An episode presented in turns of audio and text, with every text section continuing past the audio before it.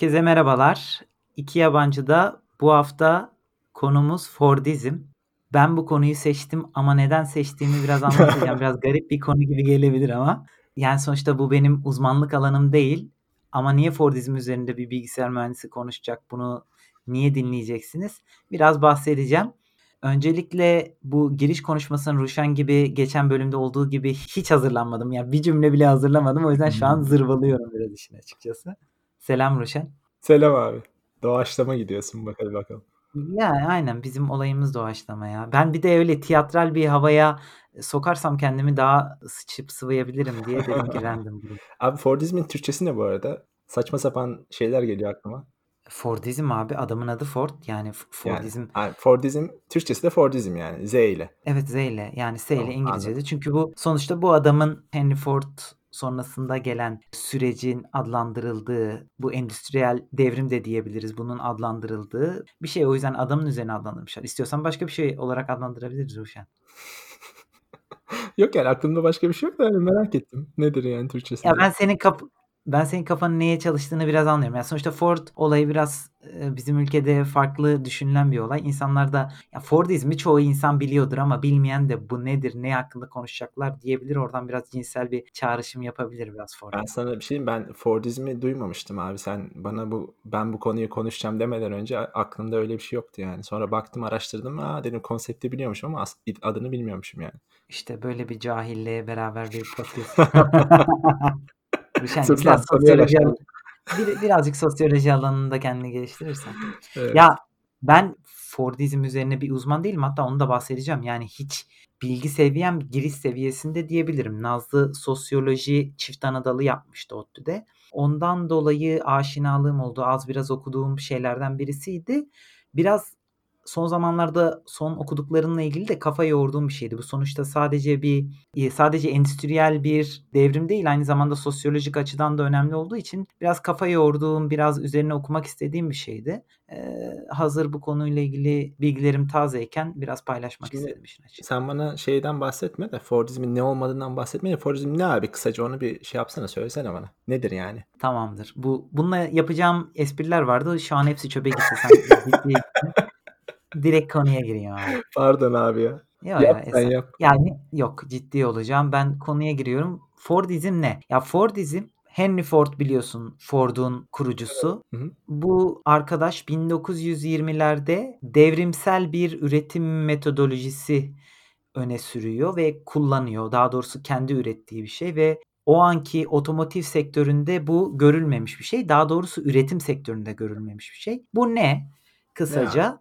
Yani bunu hiç böyle derin anlamlarına girmeden basitçe anlatacak olursam bu adam ne yapıyor? Standart üretim bandı üzerinde abi. Herkesin belirli parçaya odaklandığı, belirli parçanın montajını yaptığı, belirli parçadan sorumlu olduğu ve bu üretim bandı hareket ederken sürekli seri bir şekilde araç araç montajları gerçekleştirdiği bir üretim. Yüksek verimliliğe dayanan montaj hattı üzerinde gerçekleşen bir üretim. Yani bu montaj hattını mı yaratıyor adam? Yani şey yapıyor, ortaya koyuyor. Bundan önce öyle bir şey yok değil mi?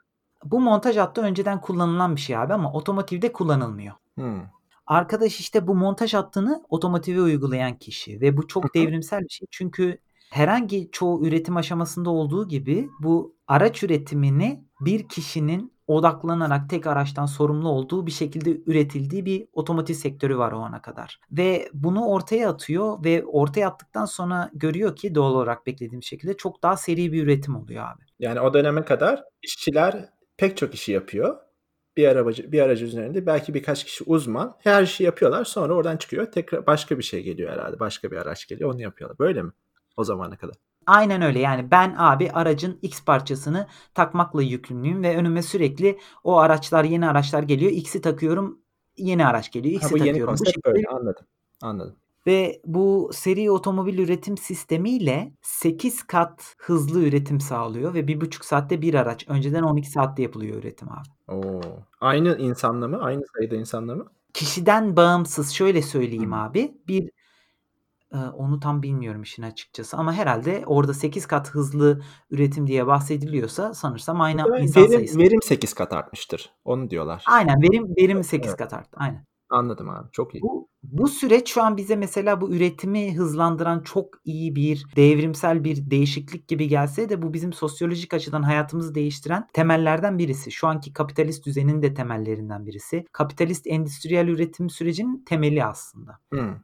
Ya, tabii ki burada diğer alanlar da var. Taylorizm bunu etkileyen şeylerden birisi vs. onlara girmeyeceğim. Çünkü bilgi seviyem onda düşük. Ama bu üretim sevi eee, süreci parçalara bölünen, el işçiliğini, know-how'ı gerektiren işleri minimuma indirgiren indirgeyen Hımm. ve basit görevlere indirgeyen, bir kişinin sadece ufak şeyden sorumlu olduğu şey bizim aslında şu anki hayatımızı kökten değiştiren bir süreç abi. E, ne oluyor bunun sonucunda? Mesela insanlar da aslında replaceable hâle geliyor, değil mi? İşçiler de yani. İşçilerin uzmanlık gerektirmediği için sen al iş Zaten şey, eee, o dönemde, eee, sen belki bahsedersin birazdan. O dönemde abi işçiler tamamen vasıfsız o vasıfsız bir hâle geldiği için iş tatmini falan çok azmış ve %400 turnover varmış. Yani 3 ayda bir insanlar ayrılıyormuş işten. Dersine çalışmışsın Ruşen. Tabii oğlum, biz de çalıştık. O! Ama arada benim söyleyeceklerimi de söylüyorsun. Onlar A, çok pardon, pardon. Bu devam. yüzde 400 istatistiğini bilmiyordum. Güzel bir istatistik oldu. Bu abi insanların görevlerini basite indirgiyor dediğin gibi. Bir de o işten aldığı hazzı değiştiriyor.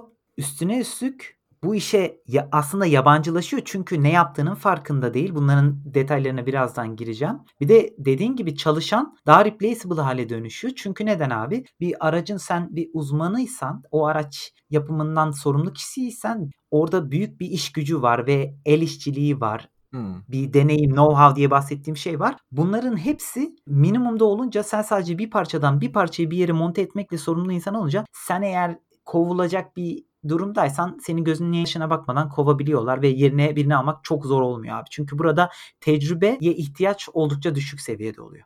Evet ama bunun tabii counter'ı da var. Ondan bilmiyorum bahsedecek misin? Şeyler, eee, sendikalar bu işi engelliyor aslında. Özellikle son daha sonra ilerleyen dönemlerde. Ya, başında da engellemeye çalışıyorlar. Onu biraz kendi kârları dolayısıyla, eee, engellemeye çalışıyorlar. Hatta biraz hikâyesinden bahsedeyim. Bu, işte, Henry Ford ilk çıktığında tekele karşı şu tekel üreticiler var abi araç otomotiv sektöründe. Carnegie'ler falan yani genelde bu tekeli elinde tutanlara bir antitez olarak çıkıyor bu, ııı, Henry Ford'un bu üretim süreci Anladım. ve Otomobil Üreticileri Kurumu en başına dava açıyor. Her ürettiği araç başına telif ödemesini istiyor Henry Ford'dan. Sebep? Davayı kazanıyor Ford. Eee, ya, işte, sebebi birçok şeye dayandırıyorlar fakat buradaki asıl sebep onu engellemeye çalışmak. Çünkü onun ne kadar kendilerine dert olabileceğini öngörüyorlar. Sonuçta bu Görüyorlar üretimin yani. ne kadar hızlı olduğunun farkındalar. Henry Ford aslında, hani, şu an kapitalist düzenin yaratılmasındaki en önemli insanlardan biri olmasına rağmen o anı sorgulayacak olursak adam rekabete inanan bir girişimci. Yani kötü bir adam olarak onu sorgulayamayabiliriz. Belki çok gelir elde etmek istiyor olabilir veya, işte, sektörü geliştirmek ve çok kâr elde etmek istiyor olabilir. Ama burada o rekabeti sağlarken çok da insanları suistimal edecek yöntemler izlemiyor. Mesela işçilerine diğer sektör, eee, otomotiv sektöründe çalışan işçilere oranla 2 kat ma fazla maaş ödüyor abi. İşte o mecburiyet abi biraz. Çünkü işçiler o kadar turnover o kadar fazla ki insanlar ayrıldığı için mecbur kalıyor biraz ona galiba. Daha yüksek maaş ödemeye. Yoksa üretim devam etmeyecek çünkü. Tabii ki, yani, sonuçta o anki Ford bu düzeni getirene kadarki iş sektörü mesela insanların düzenli çalışabildiği bir dönem değil. Yani Evet. ayrılma çok fazla. Ford Ford'dan önce de böyle, Ford itibariyle de böyle abi ve dediğin gibi Ford bunu sağlamak için yani, şu an biz mesela haftada 5 gün 8 saat çalışıyoruz ya, bu Ford'un getirdiği söylenen bir düzen abi. Evet. O yani, şu an biz bunu zorunlu hissediyoruz ama o an zorunlu değil. Çünkü insanların sürekli tüketime ihtiyaçları yok. Sürekli gelir elde etme yani biraz kontratlı işçi modeli daha yaygın. Bu arada şey diyeceğim, bu 8 saat, günde 8 saat, 40 saat olayı Ford getirdi ama Ford bunu aşağıya çekiyor değil mi? Daha önceki dönemlerden. Yani yukarı çekmiyor. İnsanlar daha fazla çalışıyor çoğu insan abi. Evet. Aynen öyle. Ama düzenli bir çalışma saati getiriyor. 5 günde 8 Hımm. saat olayını getiren o. Çok daha fazla çalışanlar da var ve işçilerin onu tercih etmesindeki neden de hem bu çalışma saatindeki düzen hem az çalışma saati hem de daha fazla maaş almaları. Ama burada o Anladım. işçilerin bilmediği birkaç bir şey var. Belki Ford başında bunu da bilmiyor ama yavaş yavaş bir düzen oturtuyor. Mesela Henry Ford'un söylediği yani bunu bilmiyorum %100 söylediğini gördüğüm bir sözü. Söylediği bir söz var. Eğer ki çalışanlarım benim arabalarımı alacak durumda değillerse ben herkese arabamı satamıyorsam yeteri derece kazanmıyorumdur mentalitesiyle çalışanlarına arabayı satmaya çalışacak bir düzen oluşturuyor ve ihtiyaçları doğrultusunda, insanlar ihtiyaçları doğrultusunda o arabaya sahip olmaları gerektiği fikrini aşılıyor ve araba affordable yani ödenebilir bir araba. İşte bu mod Model T var abi en Anladım. meşhuru. Orta sınıf Amerikalılara, çıkarılan ilk araç. Or normalde o zamana kadar araçlar çok pahalı ve herkesin kullanabileceği bir şey değil. Çünkü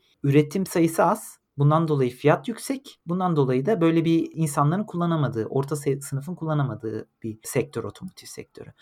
Ama bu, işte, Model T'yi çıkardıktan sonra hızlı üretim düşük fiyatla kendi çalışanları en büyük müşterileri oluyor abi. Anladım. Çok akıllıca bir şey aslında ya. Ya, çünkü üretimi ucuzlatıyor adam. Seri üretime geçiyor. E, tabi o arabaların birinin alması lazım yani. Başka türlü nasıl sürdürecek zaten bu durumu? Çok ilginç bir olay yani. Ya, böyle şeyler var mesela, işte, o kadar fazla araç üretimi sağlanmış ki araçların çoğu denize dökülmüş falan filan diye. Bunlar biraz kolpa şeyler duruyor. Birkaç yerden okumuştum. Ama yani herkese satılabilir araç yapıp satış sayısını çok arttırdığı bilinen bir şey. Hatta bir şey daha var. Mesela komünal, kendi çalışanlarının yaşadığı alanlar oluşmasına öncülük ediyor. Yani bunların bir arada kaldığı mahalleler ve Hı hı. bu da mesela bu düzenin bir parçası. Yani sadece bir araç üretimi değil, burada bir üretimsel bir de yaşamsal bir devrim sağlıyor işçi Tabii. sınıfıyla alakalı. Sınıf oluşturuyor aslında belki. Belki sıfırdan, belki şeyden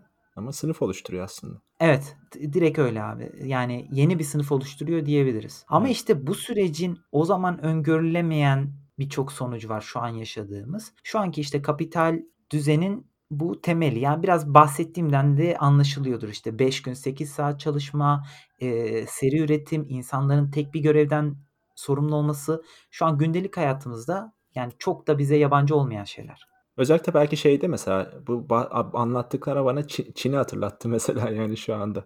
Komünal yaşamın olduğu ka yani kamp demeyelim sonuçta belki şehirler ama işçi şehirleri yani. Direkt orada olan bir şey şu anda. Aynen ya bunun uç örneğini direkt Çin olarak düşünebiliriz ama şu anki çoğu yaşadığımız yerler, şehirlerin oluşmasındaki en büyük etmenler. Yani çok da uzağa gitmemek gerek. Tabii ki yani böyle yaşam alanları diye bahsedince Çin'in gelmesi aşikâr. Ya Amerika'dakini çok da Evet. bilmiyorum. Böyle Çin'deki kamplar gibi değil. İnsanların bir arada yaşamasını gerektirecek bir düzen oluşturuyor. Yani ve çoğumuzun sahip olduğu yani mesela gündelik haya hayattan ne örneği verebilirim? Ya mesela San Francisco'daki, ııı, çoğu bilgisayar mühendisinin beraber yaşadığı, şimdi adını hatırlayamadım ama, eee, şey Silikon Vadisi'ndeki Palo Alto mu? Ha, Palo Alto mesela. Palo Alto da, eee, buna benzetilebilir. İşte bu seri üretim yöntemi abi bize bir sürü kötü diyebileceğimiz, hayatımızı etkileyecek şeyler getiriyor. Bunlar ne mesela? Ne abi bunlar? 1'incisi insan aklındaki diyalektik görüş yeteneğini köreltiyor abi bu seri üretim. Bu ne? Şöyle anlatayım. Eee, yaratıcılığı yok ediyor diye de söyleyebiliriz bunu. İnsan bir parçayı bütün üretim sürecinde, bütün onun oluşturulma sürecinde bir parçası olursa o ürünü sahiplenip o ürünün nasıl bir şey olacağını öngörebilen, onu yaratabilen bir konumda. Yani biz bunun herhangi bir parçasını yaptığımızda o ürünün tümünü algılama yetkisinden yoksun oluyoruz. Bütünü oluşturma aşamasında Küçük bir parçasını görüyorsun sadece. Büyük res büyük resmi görmüyorsun yani. Aynen öyle abi. Yani sadece bir parçayı üretmiş bir insan oluyorsun. Eee, ve bu ürünü senin ne tanıman mümkün üretildiğinde. Yani düşünsene adam motorun bir parçasının montajını yapan birisi. Araç karşısına çıktığında nasıl bir şoka uğruyordur. Yani, eee, şu an mesela biz Evet. görüyoruz o o modeller üretilmeden, araç modeli üretilmeden internette bile işte prototiplerini falan görebiliyoruz ama bu 1920'ye gidersen abi o aracın nasıl bir şey olduğunu o adam asla öngöremez ve bu. Aynen öyle ya. Bu hem yaratıcılığı körelten bir şey. Tek görev üzerinde uzmanlaşıyorsun da denemez, robotlaşıyorsun. Bu işte diyalektik görüş yeteneğini köreltiyor ve bizim o ürünü sahiplenmemizi engelleyen bir şey. Yani o ürünü biz kendimizinmiş gibi hissetmeyiz. Buna mesela Marx'ın alienation teorisi de var, yabancılaşma teorisi. İşte bu da bir nevi bunu açıklıyor. Kapitalizmin insanı işinden, kendi emeğinden, kendi ürettiği üründen yabancılaştırdığı üzerine bir teori bu. Anladım. Mesela en basit bir örnek vereyim. Terzi mesela eskiden şu an günümüze karşılaştırırsak tabii bu her terzi buna dahil değil ama şu an çoğu terzinin yaptığı şey ne yapmak abi? İşte paçaları dikmek, işte paçayı kısaltmak, belli Daraltmak, basit şeyler. büyütmek. Aynen öyle. Evet. Ama eskiden aslında çoğu diğer ülkelerde de geçerli. Şu an büyük markalar bizi kıyafet sektöründe ele geçirdiği için zenginler hala mesela kendi terzileri falan var. Onlara diktiriyorlar birebir kıyafet falan ama bu bizim kendi hayatımızda çok olmayan bir şey. Ama eskiden böyleymiş yani terziler direkt kıyafet dikiminden sorumluymuş. Yani bunu biraz Evet. devrin getirdiği bir şey olarak düşünebiliriz abi. Bu arada bu devir bitti şu anda ya, değil mi? Yani şu anda biz port post Fordizm dedikleri dönemde değil miyiz abi? Bu bahsettiğin yaratıcılık mesela ya da şey yapma, eee, diversification ya da mesela şey atıyorum şey üzerinden konuşalım, bira üzerinden konuşalım mesela. Biranın fabrika biralarından şu özellikle son dönemde craft biralara, küçük küçük üreticilerin biralarının mesela şey olması, yaygınlaşması. Gene bir sürü bir sürü farklı sektörde böyle oluyor. Yani bu Fordizm'den biraz hayatımızda buna ilerlemiş durumdayız. En azından Batı dünyasında diyelim. Değil mi? E, aynen öyle. Bu dönem post Fordizm olarak adlandırılıyor ama bu her sektöre, her alana gelmiş midir? Bu biraz tartışılır. Yani sonuçta şu an iş hayatımız aynen bu anlattığımız şekilde yürüyen bir e, hayata sahibiz. Ama insanlarda mesela post Fordizme yönelik bir örnek verecek olursak insanlarda girişimcilik ruhunun artması, insanların gündelik işlerinden daha kolay ayrılıp kendi hayallerine daha rahat açılabildiği bir dönem. Yani bu mesela Evet, 30-40 sene önce böyle bir şey yoktu. İnsanların farklı bir şey yapmaları zihinsel açıdan da çok mümkün değildi. Bırak yani gelir açısından mümkün olsun. Bir maddiyata bir ihtiyaç duymasın birisi. Yani onun yapılabileceğini düşünemiyordu insanlar. Şu an bu bilgi çağında da bunların yapılabildiğini de görüyoruz. Dediğin gibi yani işte craft beer bunun iyi bir örneği. Ama yine de günümüz düzen kapitalist düzen ve bu düzende yani herkesin izlediği yol 3 aşağı 5 yukarı aynı oluyor. Ama aynen biraz bir en azından atılımları görüyoruz abi. Yani bu şeyden mesela hani üretim açısından bile bu dediklerine katılıyorum. Üretim açısından bile mesela artık vasıfsız işçinin bir değeri yok abi. Vasıfsız işçi şu anda otomasyonla değiştirilebilen değiştirmiş durumda. Şu anda eğitimli işçinin zamanı. Çünkü eğitimli işçi ne yapacak? Makineleri çalıştıracak. Makinede sıkıntı olduğunda onu çözecek. Yani fabrikanın içinde de böyle bir durum var. E zaten bundan dolayı da bilmiyorum yani çok konuyu dağıtmayayım. İngiltere'de mesela işçi sınıfının düşüşü de buna denk geliyor aslında. Vasıfsız olan işte madenlerde veya fabrikada çalışan insanlar bir şekilde yalnız bırakıldığı için otomasyon bunları işinden ettiği için 80'lerden beri burada bayağı bir şey olmuş yani fakirleşmiş bu insanlar. Sınıf kaybolmuş yani biraz. Mesela şeye de bak üretime de baktığımızda biraz sanki Fordizm'den dünya post Fordizme doğru geçmiş gibi duruyor. Biraz öyle ama yani ben bunu biraz eğitim düzeyinden bağımsız yorumlamamız gerektiğini düşünüyorum. Çünkü evet eğitim derken şey dedim hani üniversite eğitimi anlamında değil.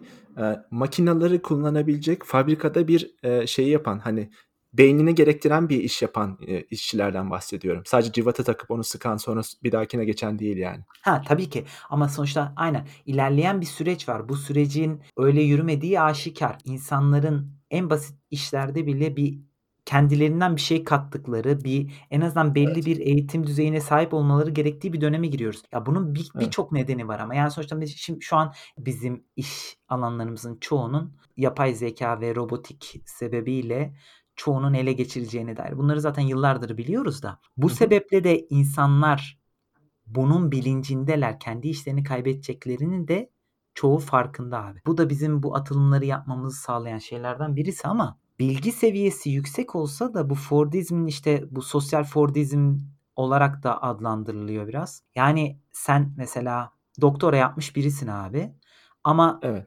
bilmiyorum mesela işten işe değişiyor. Ama çoğu, çoğu alanda geçerli. Bir işe girdiğinde doktoradan sonra iş tatminini sağladığın iş bulmak çok zor. Yani mesela ne, ne düşünüyorsun abi? Ben bir alanın uzmanı oldum ve artık bu alandaki bilgimi tamamen aktarıp yaratıcılığımı kullanabileceğim bir işe girmeyi yeğlerim arzusuyla çıkıyorsun. Ama çok sıradan bir işe girebiliyorsun. Yanlış mıyım? Yani çok sıradan demeyeyim. Çok beklentinin altında kalacak tek düzelikte aynı işi yapabileceğin bir şirkete girmen olası abi. Tabii or- orası öyle yani Bu şeyle alakalı ama bu bu dediğin doğru. Ben mesela şu andaki girdiğim işte, hani, belki uzaktan baksan çok çok ufak bir şeyi yapıyorum. Mesela bizim bir ürünün ufak bir kısmını yapıyorum. Minnacık belki. Hiçbir gerisine dokunmayan bir kısım yani. Ben kendi içinde olduğum için, eee, uzmanlık gerektirdiği için gene de belki entelektüel olarak tatmin ediyor. Ama böyle büyük bir etkim olsun diyorsan, işte, büyük işler yapayım diyorsan şu anda öyle bir şey yok yani. Öyle bir şey yapmıyorum. Dolayı Ya, şu an, işte, bu senin örneğinin biraz daha farklı olmasıyla alakalı ama etrafımızdaki diğer örneklerini düşünelim. Mesela, yani, her doktora sahip insan senin kadar tatmin edici işte çalışsa dünya çok daha yaratıcı, çok daha farklı bir dünya olurdu abi. Bu böyle olmak zorunda. Tabii. Benim mesela teorik, çalışmalar yapan, Birmingham'da ya yapan teorik çalışmalar yapan arkadaşlar, yani, ne bileyim, programming languages falan, programlama dilleri falan çalışan arkadaşlar hepsi şu anda normal, düz yazılım mühendisi olarak çalışıyorlar yani. Hiç kendi doktora yaptıkları işle alakası olmayan, belki entelektüel tatmini daha az olan işler yapıyorlar. Bu dediğin doğru mesela. Bu özel özelleşmeyle alakalı bu bahsettiğin şey. Yani yaşanıyor. Mesela Da Vinci'yi düşün abi. Eee, Leonardo da Vinci. Adam aynı zamanda fizik uzmanı, eee, fizikçi, aynı zamanda matematikçi, aynı zamanda ne bileyim iyi eee, mucit falan bir sürü şeyi var. Yani şu anda hani belki aynı zekâda insanlar vardır ama şu anda aynı zekâda bir insanın bu kadar alana tatmin yani bu kadar alana hâkim olması imkânsız. Çünkü alan bilgi çok fazla yani. İmkânsız böyle bir şey yapması. Dolayısıyla hepimiz bir şekilde özelleşmek zorundayız. Bu onunla da alakalı yani bence. Aynen. Bu Şimdi şeye mesela Pardon, hah, söyle. Sen söyle abi. Yok, şey diyecektim, yani, bu endüstri devrimiyle endüstri devriminin bir şeyi mi? İçinde yaşanan farklı bir devrim mi oluyor yani bu? Bayağı büyük bir şey o zaman.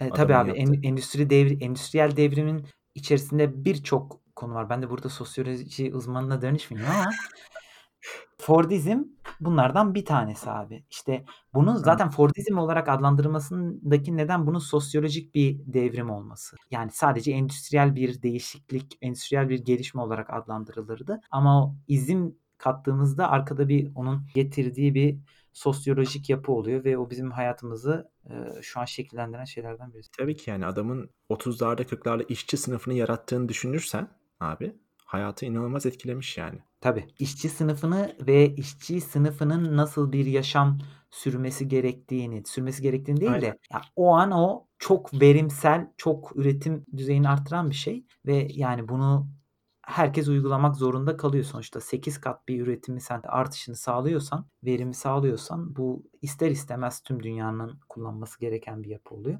Sonuçta mantıklı bir şey yaptığı, kullandığı ama, yani, dünyayı her geliştiren şey dünyanın, insanların, bireylerin iyiliğine olmadığı gibi burada da bu söz konusu. Yani, bilimsel Evet abi. gelişmenin olduğu bir dünya bizim en ideal dünyamız mı olur? Ben sanmıyorum. Yani, ben sanatın veya, işte, doğanın çok daha iyi hâlde olduğu bir dünyayı yeğlerdim.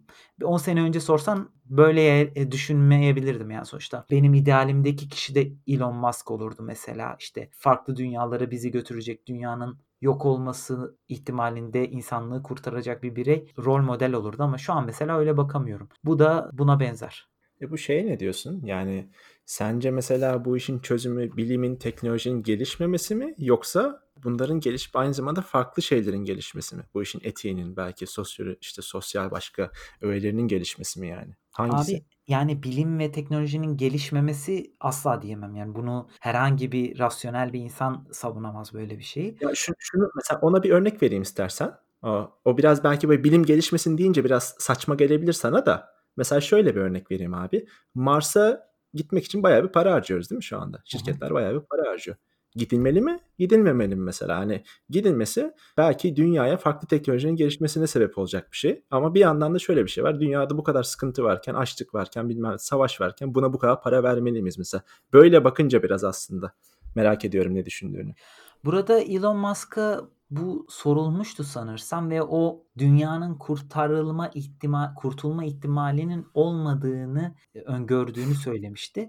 Bu sebeple bu Mars'a gidilmesi konusunda öncü olmasının sebeplerinden birini buna bağlıyor ama bana kalırsa herhangi bir orta yol bulunabilir. Ben, yani, burada Elon Musk'ı da top altı eee, şeyin altına atmak istemiyorum. Yani, adam sonuçta Elon Musk burada bizi dinliyorsa, eee, onu en azından olumlu bir şey yapan insanlardan birkaç insandan en çok bilinen birkaç insandan bir tanesi. Dünyaya az zarar vermeye yönelik hep bütün e, yaptığı şeyler atıyorum. En son kurduğu araç fabrikası tamamıyla güneş enerjisiyle çalışıyordu vesaire. Orada da çok tartışmalı şeyler var sonuçta. Güneş enerjisi sistemini kurmak da çok maliyeti düşük değil falan. Yani sonuçta bizim geleceğimiz için bir şey yapmaya çalışan birisi. Yani sonuçta adam gidip de petrol çıkarmıyor. Tabii tabii. Evet. Ama yani yine de orada insanlığın bu kadar dünyadan umudunu kesmiş olması biraz canımı acıtıyor ve insanların bir şey yapmadığını gördüğünde diyorsun ki yani bu ikisi bir arada yürütülebilir. Ama birini tercih edecek olursam dünyayı kurtarmanın teknolojik ilerlemeden çok daha önemli olduğunu yani öteki türlü bizim elimizde hiçbir şey kalmayacaksa teknolojik ilerlemenin boşa gideceğini düşünüyorum. Ha insanlığın işte burada Elon Musk'ın savunduğu şeylerden birisi o. Keşke herkes Elon Musk gibi bir şey yapsa. Yani başka bir çözümü olmayacağı öngörüldüğü için Mars'a gitmeye çalışıyoruz zaten ama dünya da kurtarılmayacak durumda değil. Çünkü çoğu araştırma gösteriyor ki şu 5-10 yıl içerisinde büyük adımlar atılmalı ama buna ne devletler yanaşıyor ne de firmalar yanaşıyor. Ya konu biraz Fordizm'den kaydı ama Yo alakalı aslında bence de. Çok da çok da alakasız bir durum değil yani. Mesela sosyal Fordizm'de şunu bahsetmeyi unuttum abi.